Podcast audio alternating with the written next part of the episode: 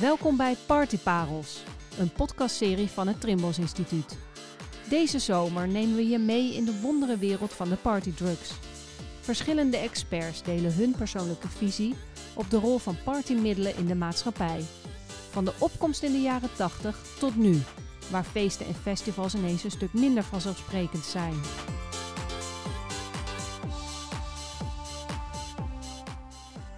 In deze aflevering Dr. Ton Nabbe, drugsonderzoeker en criminoloog aan de Hogeschool van Amsterdam. Welkom. Wat is jouw eerste kennismaking met partydrugs? Oeh. Nou, je, dat zeg je nu wel, partydrugs, maar uh, mijn eerste kennismaking met, met, met drugs, professioneel, maar ook gewoon persoonlijk, was eigenlijk al ervoor, voordat we het partydrugs noemden. En uh, dat was jaren tachtig, toen kwam ik in Amsterdam uh, studeren was ik nog piep. En uh, dat, was een, uh, dat was eigenlijk een beetje de tijd voordat we het over partydrugs hadden. Uh, er werd daarvoor ook wel een beetje gepartied, maar dat, dat vergeleken met wat, wat er daarna gebeurde, stelde het weinig voor. En ja, dat, dat, was vooral dan speed, amfetamine, heroïne, um, wat, wat, wat, wat, wat, wat, wat paddenstoeltjes. Cocaïne was natuurlijk een beetje, maar dat noemde ook niet echt een partydrug. Dus het was een beetje, een beetje dat soort klassieke middelen. En uh, mijn, mijn, mijn eerste uh, ervaring, of in ieder geval uh, met, met de aanraking van partydrugs, was toen die ecstasy. dat, dat was voor mij eigenlijk het middel wat, wat, wat, wat, wat, wat gesymboliseerd werd als partydrug. En dat is gewoon eind jaren tachtig kwam dat opeens, ja, plotseling, pardoes zomaar de stad binnen. En niet, niet alleen in Amsterdam, maar ook in Utrecht en overal in Nederland. Dus, uh, en, en verder. Dus dat was eigenlijk een beetje de. de voor mij was eigenlijk ecstasy. Uh, als je over partydrugs hebt, was voor mij ecstasy echt uh, de kern. Ja, is dat de definitie van partydrugs? Nee, nee, nee, want we noemen het ook clubdrugs, partydrugs, uitgaansdrugs. Het, is een, het was wel een, een, een, een middel wat compleet nieuw was. Um, Hoe ging dat? Je, moet je voorstellen, uh, de, de, de periode voor, uh, voor, voor, voordat de pleuris uitbrak, zo rond, rond die Second Summer of Love, wat ook wel genoemd werd door, door de sociologen, werd er wel, waren er wel discotheken, maar dat was een handvol. In ieder geval, althans in Amsterdam waar ik woonde. En um, dansen was niet eens een ding, want het was eerder salonvee, gewoon een beetje heel cool tegen een pilaar aan te hangen en, en, en niet te dansen, maar vooral een beetje te kijken en een beetje de kat uit de boom te kijken. Dus was bijna e-, eerder een soort, uh, ja, naar na, binnen gericht was het. En um, die, die ecstasy, dat, uh, dat was heel compleet anders. En dat, loopt ook bijna synchroon met een andere tijdgeest. Die, die jaren tachtig waren vrij, uh, ja, vrij somber. Um, ik zat zelf in de kraakbeweging, en toch wel aardig wat, wat opstanden, oproeren meegemaakt. Kraken, barricades, traangas... Uh, ja, gewoon een heel, hele turbulente periode. Maar ook gewoon, ook gewoon een hoop, hoop gedoe met, met heroïne bijvoorbeeld in die stad. Dus die stad was best wel arm. En toen op een gegeven moment die, die ecstasy zo eind jaren tachtig uh, uit het niks die stad binnendenderde... werd dat ook meteen gesymboliseerd van hoop en een nieuwe generatie... die veel kleurrijker in het leven wilde staan... de werkloosheid, die, die toen heel erg hoog was, die, die loste op. die Berlijnse muur die viel een paar jaar later. Nelson Mandela die kwam vrij, weet je, al die dingen die, die kwamen bij elkaar. En dat was echt een, een, een tijd van, ja, van, een, van, een, van, een, van een zonnige toekomst. En ecstasy verbeelde dat. Dat was ook een middel waar niemand ervaring mee had. Dat was ook nieuw. Over het algemeen cocaïne en zo, dat, dat wisten mensen wel een beetje. Maar ecstasy was compleet nieuw voor een hele generatie. En ja, dat was wel heel, heel bijzonder. Omdat ook mensen die elkaar nog nooit eerder hadden ontmoet in allerlei verschillende culturen je had, je had, je had een discogroep en een hip-hop, en je had uh, de blowers, en je had uh, de, de, de, skaters en de krakers. En overal kwamen die mensen uit die scenes, die kwamen op een gegeven moment op nieuwe plekken. Die nog vrij stonden van die crisis. Dat waren die warehouses. Da daar gebeurde het. In 1993 begonnen jullie met het antenneonderzoek. Wat is dat en waarom begonnen jullie daarmee? Nou, dat was eerder vanuit de verbazing hoe snel een, uh, een, een, ontwikkeling kan gaan. Je moet voorstellen, dat het hele preventiewerk was in die tijd nog heel erg gericht op, uh, ja, wel op jongeren, maar vooral ook op, op, op, op, verslaving. Uh, heroïne was best wel een problematisch middel in die, in die jaren tachtig. We hadden zelfs iets van 80 dooien in, in, in één jaar, in midden jaren 80, een beetje de piek van de heroïnecrisis. Um, maar er was gewoon ook, ook veel, uh, ja, de, veel minder professioneel als dat het, als dat het nu is geworden. maar um, die ecstasy, dat, dat verbaasde mensen. Dat kwam zomaar in, nou, in, in een paar weken kwam dat die stad binnen. En uh, je kreeg onmiddellijk kreeg je een soort kettingreactie, een soort veenbrand was het. Waardoor overal uh, feesten ontstonden. Niet aangekondigd, zonder vergunning. Um, politie wist van niks, brandweer moest, wist het ook niet. Uh, niet aangevraagd van tevoren. En het was natuurlijk nog, een, nog vrij rauw in die tijd. Dus je kon, overal kon je gewoon een feestje organiseren. Er was nog geen mobiele telefoon, dus het ging allemaal via flyertjes. Uh, en je kreeg af en toe wel coördinaten door van, via zo'n flyer daar en daar. Maar goed, dan, dan, dan moest je daar maar naartoe en dan, je wist niet wat je te wachten stond.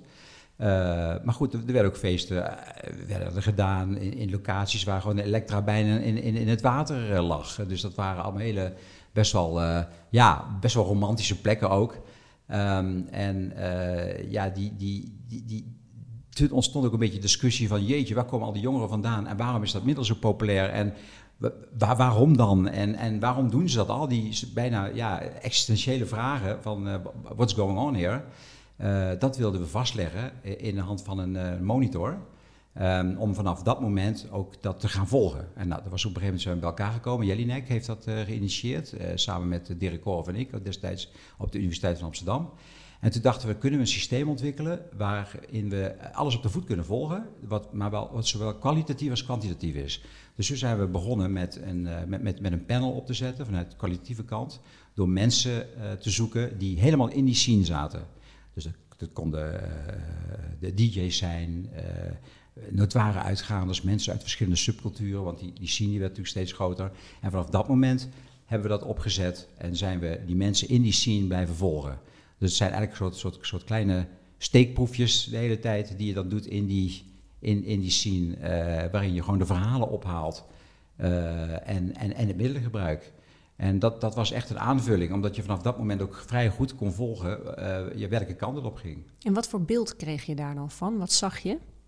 Ja, dat was gewoon toch wel. Uh, ja, dat, dat, dat, ligt er net een beetje. Kijk, het was vooral ook praten met mensen uh, over wat, wat zij zagen. Want zij vertelden natuurlijk over hun scene. Dus dat, uh, dat, dat, schreef ik, dat, dat, schreef ik op. En dan, ja, goed, daar maakten we dan een, een, report van. Maar op de feesten zelf was dat toch wel.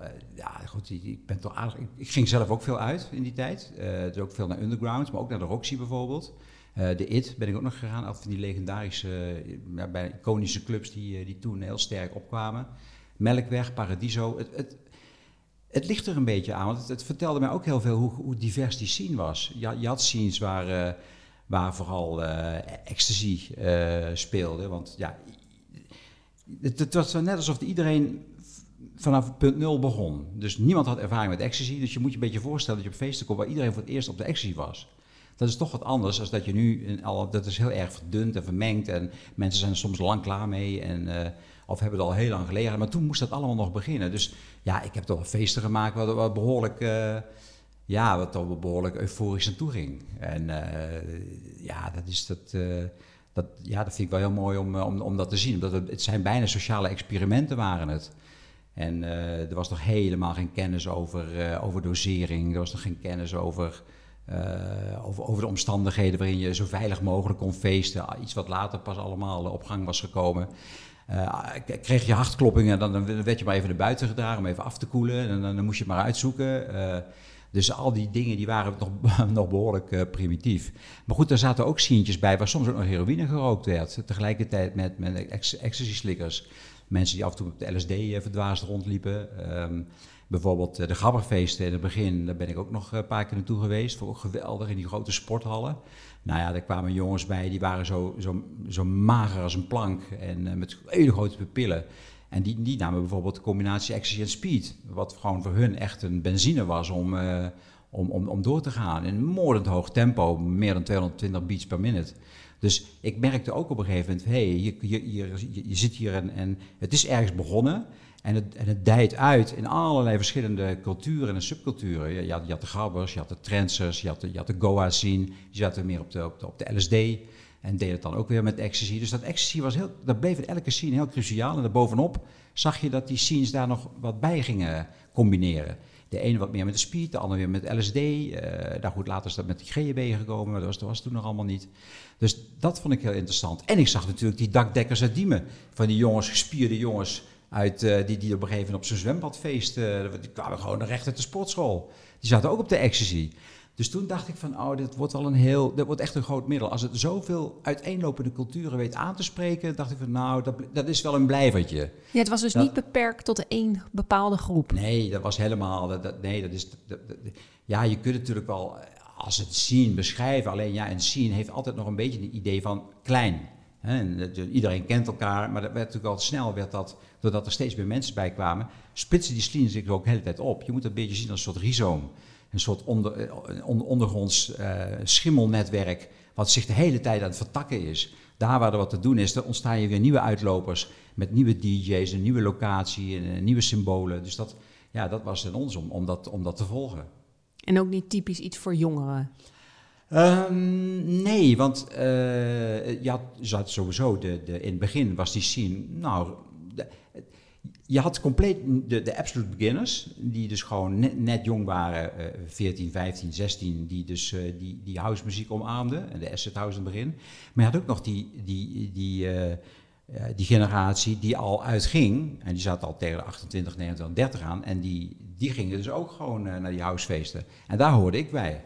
Dus ik, ik zat al, al, al in die feestcultuur. Um, wat ik al vertelde, wat, wat, wat, wat, anders georganiseerd was. Maar ja, ik heb eigenlijk gewoon mijn, mijn tweede, bijna mijn tweede muzikale revolutie meegemaakt. De eerste was de punk. Uh, dat was voor mij echt een doorbraak, maar toen was ik veel jonger. En die tweede was de house. Skipte ik van de, ja, van de new wave en de, en de rock en hip-hop, ging naar die house toe. dat vond ik ook uh, zinderend. Dat was juist muziek waar je gewoon veel lekker op kon dansen en langer. Ja. Als je kijkt hè, naar toen, die beginjaren, waarin jij ook als onderzoeker uh, met dat antenneonderzoek begon, mm. en, en naar nu. Wat zijn dan de belangrijkste veranderingen? Oei. Welke um, veranderingen in Nou ja, ik kan misschien wel heel even kijken naar die drugs as a setting. Want dat is altijd wel een. Uh, dus voor preventiewerk is het ook wel een bekend uh, model. Uh, het middel, mensen, milieu. Nou, als je, als, je, als je daarnaar kijkt, dan zou je kunnen zeggen. Laat ik eerst even met met het milieu beginnen dan. Dat is eigenlijk de omgeving. Hè. Dat zijn de, de, de, de groepen. Uh, nou, die zijn veel veelzijdiger geworden, hebben ze echt ontwikkeld. Uh, de, de, plekken waar de feesten zijn georganiseerd, die zijn veel professioneler geworden. Het, is groter geworden, maar ook weer kleiner. Dus je moet je voorstellen, in het begin was het allemaal ruw. Uh, zoek het maar uit, doe het jezelf. en werd het steeds meer geprofessionaliseerd. Moest ook wel, omdat die, die, die hele beweging die werd enorm groter, dus de, de, de ruimtes waren te klein. Men zocht dus echt naar andere plekken. Toen kwamen dus die Mysteryland en Dance Valley, dus allemaal een beetje midden jaren negentig, kreeg dat een, een, een, een, eigenlijk een nieuw vervolg. Doordat die feesten steeds groter werden, tot soms 100.000 mensen naartoe. Um, en uh, dus je ziet, dus de, locaties worden anders, worden ook groter, worden diverser en het wordt veel professioneler. Mede ook omdat er veel meer regelgeving uh, omheen. Dus men eiste dat ook. Er moest een draaiboek komen, wie ging je inzetten. Dus dat is heel erg uh, veranderd. Um, dan zie je, en, en dan later naar nu, zie je eigenlijk dat meer die rauwe muziekschomingen die je toen had, die zijn vanaf 2008 ongeveer zijn die weer naar de clubs gekomen, omdat er geen plek meer was daarbuiten. Dus dan krijg je ook weer een soort opleving van techno bijvoorbeeld in, in, in die clubcultuur.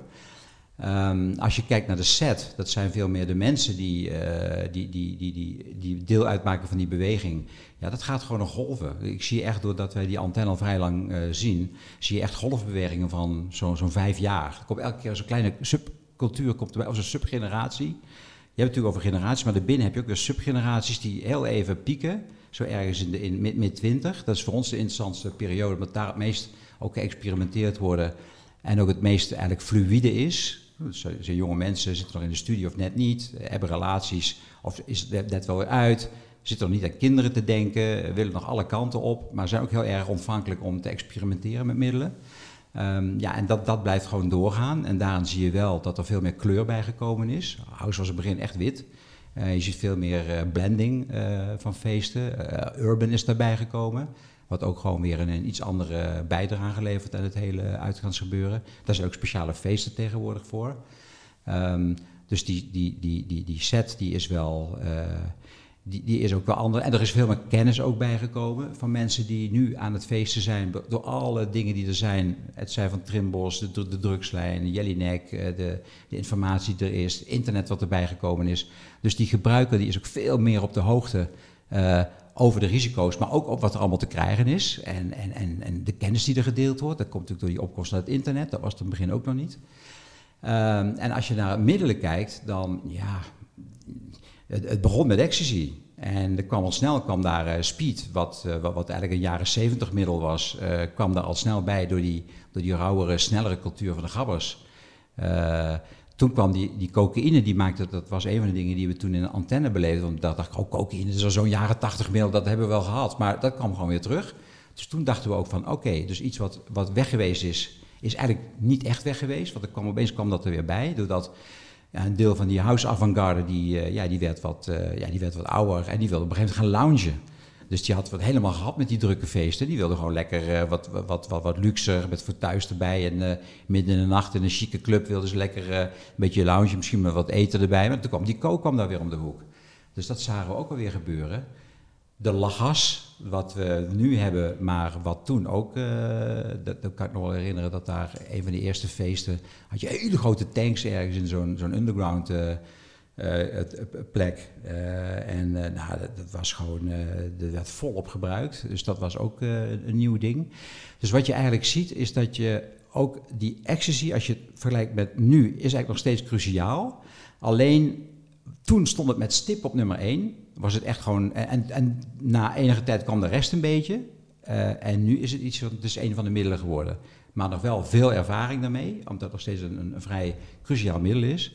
De nieuwe generatie zegt ook niet van, oh die ecstasy is zo jaren negentig of... Uh, nee, die zet, dat is voor ook nog, terwijl ze dat wel het middel bijna al, nou 40 jaar is inmiddels, 35 op de, op de markt. Uh, is dat nog steeds best wel een bijzonder middel, voor, ook voor, voor, voor de beginners. Dus dat, dat, dat vind ik heel, heel verbazingwekkend. En je ziet de feiten dat uh, je, je binnen dat uitgaansleven uh, zie, je, zie je wel verschillende typologieën die dus verschillende middelen gebruiken. Nou, wat erbij gekomen is, uh, naast die amfetamine, de coke en de ecstasy, zijn die narcosemiddelen. Die hebben we heel duidelijk zien, zien toenemen einde de jaren 90. Dat lachgas dat kwam erbij. GHB werd ontdekt, wat compleet nieuw was. Dat brak ook uit, net buiten Amsterdam, op, op feesten. En aan het strand van Bloemendaal, er waren een beetje meer de kinky, swingers, gay-achtige scenes. Maar ook gewoon die vanuit overal het land naar de Randstad kwamen daar te feesten. Ketamine is er op een gegeven moment uh, bijgekomen. Allemaal een beetje eind jaren 90. Nou, dat, heeft zich, dat, dat, dat hebben we ook nog steeds. Dus dat is eigenlijk een soort nieuwe markt die erbij gekomen is. Nou, dan krijg je nog de designer drugs. Nou, die, hebben die hebben eigenlijk in de loop van de tijd zijn, zijn die er ook bijgekomen. 2CB was een van de eerste middelen. Dat noemen we, ik weet niet of dat nu nog een designer maar officieel wel. Uh, dat blijft ook nog steeds. Maar je hebt ook nog de 2CT2, de 2CT7, de MDOH en de, en de MDEA en de je hebt, uh, dat zijn allemaal middelen die even op zijn gekomen, meteen weer werden verboden, die deels weggezakt zijn in die markt. En dat zijn eigenlijk de, de, ja, de, de, markten die nog wel bestaan, uh, maar die gewoon een kleine groep aanhangers heeft, die, die, die daarmee wil experimenteren. En als je kijkt naar de rol van partydrugs in de maatschappij, ah. wat is dan het belangrijkste verschil tussen vroeger en nu? Ja, we hebben het heel vaak over normalisering. Het is best wel een moeilijk woord om dat te begrijpen. Maar wat ik heel duidelijk zie is dat uh, uh, middelen. Uh, dat is eigenlijk een beetje begonnen met die, met, met, met die uitgaanscultuur. Uitgaan is eigenlijk veel meer een, een tijdsbesteding geworden van een, vele, van een veel grotere groep mensen. Vroeger als je uitging, dan was dat eigenlijk best wel klein. Je, je ging naar een, er waren nog niet zoveel clubjes. Die waren er wel natuurlijk, maar het was allemaal nog redelijk subcultureel. Uh, je, je, had gewoon, en, en, en ja, dan, dus je, je, had bijvoorbeeld de hippies, had je nog een tijdje gehad. Maar je had ook binnen die, uh, in de jaren tachtig had je wel uit gaan zien, maar dat was toch vooral disco. Uh, dus het was eigenlijk wat heel klein. En die, met, met die house, dat was zo breed, ook omdat het zoveel verschillende groepen mensen aansprak is dat, uh, dat, dat dat middel zich ook gewoon in, in, in, in andere lagen van de bevolking ging nestelen. Ook mensen waarvan je eigenlijk gewoon de, de dames van de bijenkorf met hands, handschoenenzak, uh, handschoenenvakje uh, begane grond, afslag tweede eiland of zo, die, ja, die, die, die zag je dus ook op die feesten. Je zag ook verkoopsters van winkels, je zag mensen die bij de bank werkten, je zag jongens die later reclamebureaus gingen doen. oh, mensen in beroepen die, die eigenlijk ja, vrij saai waren. We denken, nou, dat is nou niet... Controller bijvoorbeeld. Nou, die kwamen dus ook gewoon notarissen in de dop. Het is allemaal jong volk wat op een gegeven moment van, van die pilletjes zat te snoepen. Dus dat is best wel, best wel een brede, spreekt best wel een brede groep aan. Dus ik denk, als je terugkijkt, en je ziet dus ook nog wat we wel weten, is dat een miljoen Nederlanders ooit als een keer actie heeft geprobeerd. Nou, dan is dat, dat, is, stelt op zich op een hele bevolking nog niet zoveel voor, maar het is geen peanuts meer. Het is best wel een, een er is best wel een rijke ervaring met dat middel. Um, dus, dus ja, dus in die zin is, het, is, is dat hele afstand van um, je normale leven uh, en, en, en middelen, wat vroeger eigenlijk uit elkaar lag, is veel meer naar elkaar toegegroeid. Het is niet meer zo bijzonder als je zegt dat je een keer uh, ecstasy hebt gedaan. Dat, daar kijkt men niet meer van op. Terwijl het toen was, oh, heb je dat eens een keer gedaan en waar kan ik dat krijgen en uh, hoe is het dan? En, uh, dus er was nog veel meer onbekendheid, maar het was ook, oh ja, het was ook nog veel meer die nieuwsgierigheid van een, een nieuw middel, wat nog weinig mensen ervaring mee hadden. Dus het middelengebruik is eigenlijk gewoon een onderdeel geworden van, van jongere culturen. Dat was het vroeger ook wel, maar eerder subcultureel. Dus nu veel meer mainstream geworden. Ja, jij zegt al, hè, van het is uh, behoorlijk genormaliseerd. Ja. Hoe moeilijk dat ook te zeggen is. Ja. Wat voor problemen of kansen brengt dat met zich mee? Uh, nou, het, de, de, wat, de problemen die het met zich meebrengt, is dat, dat, dat middelen best wel makkelijk toegankelijk zijn voor, uh, voor, voor jongeren. En uh, dat je altijd uh, de soms de neiging hebt om te denken ideaaltypische gebruiker. De ideaaltypische gebruiker is iemand die misschien denkt om een actie te nemen. Dan gaat hij zich eerst gewoon voorlichten. Dan gaat hij eens kijken op de site van Trimbos bijvoorbeeld. Of bij, of bij de andere preventieinstellingen. Wat is het middel? Wat doet het met me? Wat zijn de gevaren? Uh, al die dingen. Zo zou je eigenlijk willen dat als iemand dat doet, dat, dat iedereen dat op die manier doet. Maar ik heb, ik heb het eigenlijk tegenovergestelde gezien. Het komt eigenlijk zelden voor dat mensen zich op deze manier voorbereiden. Ja, misschien de psychonaut die dat er helemaal, uh, helemaal doordenken en erover over discussiëren van tevoren. Het, het gaat eigenlijk heel, gaat veel spontaner. Je gaat ergens naartoe met vrienden en dan, dan, dan, dan, dan, dan, ja, dan, dan ontstaat er een flow. Dan, ontstaat, dan, dan worden die grenzen die worden diffuser. Uh, de, de, de, euforie neemt toe. Uh, je, je wordt al heel snel meegezogen in een, uh, ja, in een bepaalde sfeer. Die ook best wel leuk is. Wat, of je een festival of een club. Het is gewoon. Uh, ja, het is vooral happy, euforisch. Men, mensen die heel makkelijk contact leggen met elkaar. Dus je wordt al snel daarin meegenomen. Dus ook gewoon. Dus ook, ook, ook het experimenteren. Ook de experimenteerdrift neemt daartoe. Ja, en dat is natuurlijk maakt natuurlijk heel veel uit wat voor scene zit je. Ik heb echt nog een scenes geïnterviewd, daar, gingen ze acht, negen pillen, tien pillen. Dat was, was niet, echt, niet echt een uitzondering. Maar ik heb ze ook wel gezien als op, op sommige feesten, dat ze ook echt gewoon op die, op die ziekenhuisbedjes lagen ze dan helemaal... Uh, nou, lagen ze daar met hartkloppingen en stuiptrekkingen lagen ze daarbij te komen. De GB hetzelfde. Een persoon af en toe een uitbraak in een club, nou, daar stond de ambulance stond daar continu voor de deur. Dus ook de, de ene kant die onbevangenheid was, eh, is natuurlijk wel, wel leuk voor een jonge cultuur, maar tegelijkertijd ook eventueel de, de, het geen maat weten te houden en ook niet weten wanneer te stoppen en ook geen informele correctie of, uh, of toezicht. Ja, dat kan af en toe leiden tot, uh, tot, tot ja, gevaarlijke uh, toestanden. Met oog op de toekomst, maak jij je dan zorgen over bepaalde ontwikkelingen? Um, nou ja, ik, ik, ik, ik denk, ja, het is, we, zijn best wel een land wat, um, nou dan moet ik het ook een beetje vergelijken. Uh, wie, kijk, over het algemeen, die, je ziet heel duidelijk een verschil, denk ik wel, uh, tussen, uh, tussen verschillende groepen. maar ook groepen wat betreft hun inkomen, wat betreft hun afkomst en wat betreft waar ze wonen. en wat ik, wat ik nu zie is vooral, um, nou, dus eigenlijk al, al een tijdje maar ik heb eigenlijk, doordat ik wat de afgelopen decennium wat meer onderzoek heb gedaan in dorpen bijvoorbeeld, bijvoorbeeld uitbraak van de GHB-problematiek in Twenterand en uh, Neerenveen en uh, in, in, de buurt van Brabant, nu ook weer met die, uh, met, met, die drie MMC, dan zie je toch wel, en dat wist ik al een beetje omdat ik die grappers ook wel kende, daar zitten gewoon culturen tussen waar, waar ja, die veel ruwer zijn in een, in een gebruik, waar de omgangsvormen wat ruwer zijn. Uh, waar, waar men niet zo let op een, op, een, op een glaasje bier meer of minder, uh, maar ook niet op een lijntje meer of minder. En dan maakt het toch wel, voor een deel zit die problematiek zit toch wel verankerd in, in groepen die, die fors gebruiken en waar heel weinig uh, contact mee is. En dat vind ik ook een van de uitdagingen voor de, voor de toekomst ook. Van hoe kun je daar als preventiewerker, maar ook als jongerenwerker dichterbij komen. Zodat je eventueel nog een beetje invloed kunt uitoefenen op die, op die groep. Uh, wat me verbaasd heeft, uh, is een van de nieuwste dingen, is bijvoorbeeld verslaving van lachgas bijvoorbeeld bij Marokkaanse, Nederlands-Marokkaanse jongeren. Iets wat ik vijf jaar geleden had ik niet verwacht dat ik mensen zou interviewen die 650 ballonnen continu door zouden inhaleren. Dus dus je, er ontstaan ook gewoon nieuwe, nieuwe problematieken bij, bij nieuwe groepjes of cultuurtjes. Waarvan je dacht van, god, ja, dat kan ook nog. Dus, uh, dus dat, ja, dat houdt me wel bezig. En wat betekent dat bijvoorbeeld voor de preventie en ja, interventies? Ik ja, ja, ik vind dat, dat ik, ik, ik vind eigenlijk dat preventie vrij statisch is. Ik, dus er moet veel meer dynamiek komen naar, naar de gebruikersgroepen zelf. Um, het, het, het, ik, ik zie toch die, die, de, peer education is er natuurlijk ook wel en ook op de feesten. Maar het is heel erg van uh, de, mensen moeten naar, moeten naar jou toe komen om volgens te vragen wat, wat die middelen doen. En dat gebeurt goed en, en, en die peers die werken prima daarin.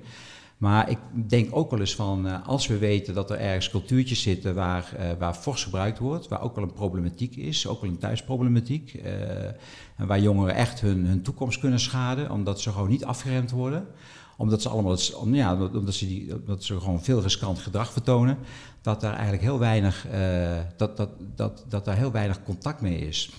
Uh, ook omdat men niet weet hoe men contact moet maken, dat die jongen, dat ze vrij gesloten groepen zijn. Uh, en dat er vaak heel erg omheen gedrenteld wordt. Het zijn gewoon moeilijke groepen en, en ook daarom misschien ook niet interessant om daar je, je, je, je targets mee te halen, omdat die gewoon moeilijk toegankelijk zijn.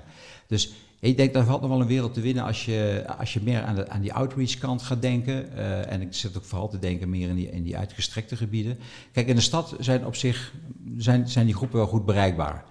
Um, alhoewel, goed, de, de lachgas, Marokkanen in, in, in Amsterdam um, is ook nog wel een ding. Want jonge werkers kennen ze wel, maar ze gaan nooit naar de plekken waar ze gebruiken. En omdat ik als onderzoeker dat wel doe en ik gewoon gesprekken heb met ze, denk ik van ja, waarom doet niemand dat professioneel dan? Want ja, ik, het is bij mij van ja, ik heb, als mijn onderzoek is afgelopen, dan moet ik dat loslaten. Maar je zou er veel meer op in moeten zetten, zodat je ook eerder ook, in, kunt interveneren uh, om, om, om, om dat gedrag uh, te kunnen veranderen. Ik weet niet of dat altijd helpt, maar dat, dat mis ik eigenlijk. vooral die, die, die kant van het verhaal. De meer kwetsbare groepen. Um, die gewoon, uh, ja, waar, waar, weinig, ja, waar weinig onderlinge, uh, ja, waar weinig contact mee is. Ja. Een ander punt van zorg is natuurlijk de criminaliteit. Je bent ook criminoloog ah. en je uh, schreef ook mee aan het uh, drugsmanifest. Een uh, collectieve oproep ja. aan de regering om drugs te legaliseren. Ja. Hoe zou legaliseren dan um, de criminaliteit verminderen? Even één ding. Um, wij, wij, kijken in Nederland heel erg vanuit de harm reduction, is nog steeds harm reduction benadering, waarin we vooral heel erg kijken van nou, beperking, schade, uh, hoe, hoe, hoe, kun je dat op, op, meer naar die gezondheid toe, dus deel ook van ons drugsbeleid, is VWS is, is in, in, principe heel erg gericht op die gebruiker. Justitie meer uh, handel, opsporing. wij kijken heel erg vanuit de gezondheid daarnaar en, dus, en dat is ook goed. maar um, en dat is ook, ook het instituut natuurlijk, Trimbos is natuurlijk heel erg ook dicht met, bij VWS en, en al die dingen die uitgezet worden, worden hele goede dingen gedaan. Maar als je gaat kijken naar de, naar de, naar, naar de, de, de, de groeiende criminaliteit, de invloed van, uh, van grote drugsnetwerken, de globalisering van de markten, uh, de smokkelroutes die, uh, die, die, die er allemaal zijn, de middelen die vrij, die vrij verkrijgbaar zijn, de productieplekken, dan denk ik van hé, hey, we, we zijn volgens mij, is de hele schade van de drugscriminaliteit is eigenlijk vele malen ondermijnender dan, dan de gezondheid van mensen. Over het algemeen is die gezondheid, kijk, er gebeuren natuurlijk wel wat dingen, maar ja, ik moet je eerlijk zeggen over ecstasy, we kunnen natuurlijk heel erg bedenkelijk over doen, over de incidenten, maar over het algemeen gaat het best wel goed. De gebruiker, doorsnee gebruikers is goed voorgelicht, is eigenlijk heel erg smart, uh, weet precies wat hij slikt, want we hebben een, hebben een monitor, dat kunnen, we, dat kunnen ze onderzoeken. Er is vrij veel kennis, als er iets mis is, heb je meteen die red alert procedure. Dus natuurlijk moet je de vinger aan de pols houden, maar ik vind eigenlijk de, de de ondermijning uh, en, en de criminaliteit uh, en, de, en de, de, criminele investeringen die gedaan worden, die vind ik eigenlijk ve vele malen uh, gevaarlijker eigenlijk voor onze samenleving. En dat bracht ons in ieder geval op het plan van, hé, hey, ja, we kunnen natuurlijk al de hele tijd gaan roepen dat er meer geld moet, bij moet om die criminaliteit te bestrijden, maar Dat moeten we vooral blijven doen, uh, want we kunnen niet anders, want die middelen zijn strafbaar gemaakt. Alleen, wat is ons plan B dan? Dus ik vind eigenlijk, en dat is ook een beetje de reden waarom we die groep hebben opgericht, je zou eigenlijk van twee kanten dat moeten bekijken. De ene kant moet je natuurlijk blijven doen, maar ook kijken, van waar is nou eventueel de ruimte voor een middel wat eigenlijk in, in, in, in relatie tot andere middelen redelijk uh, veilig is. Uh, aanvaardbare risico's zou je bijna zeggen. En ik denk, nou, daarom mag je maar. MDMA voor mijn pad zou eigenlijk op lijst 2 moeten zijn. Een middel met aanvaardbare risico's. Want het staat nu tussen de heroïne, de crack en de noem maar op. Daar hoort hij eigenlijk helemaal niet thuis. Als je nou, in ieder geval de literatuur uh, bekijkt. Uh, en van daaruit zou je eens moeten kijken, kunnen wij experimenten gaan doen waarin we, uh, waarin we eens kunnen kijken, waarom zou je niet iets kunnen creëren waarin, waarin een bepaalde groep, en die kun je nog voor een tijdje volgen, gewoon zijn ecstasy kan kopen. Uh, met een bijsluiter erbij, gecontroleerd, et cetera. Dan, dan, breng je in ieder geval ook iets als overheid van dat mensen die toch wel willen gebruiken, niet alleen maar overgeleverd zijn aan de illegale circuits, die je bij de illegale dealers moet kopen. Maar dus je zou, beetje... je zou er eigenlijk een soort alternatief voor willen hebben.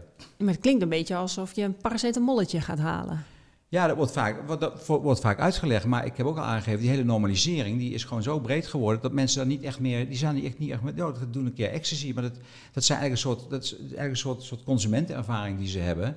Um, en ja, een paracetamolletje, ja, maar wat is daarop tegen dan? Als je koppijn hebt, dan, dan, dan wil je toch ook niet dat je, dat je een paracetamol op de, op de illegale markt uh, moet kopen?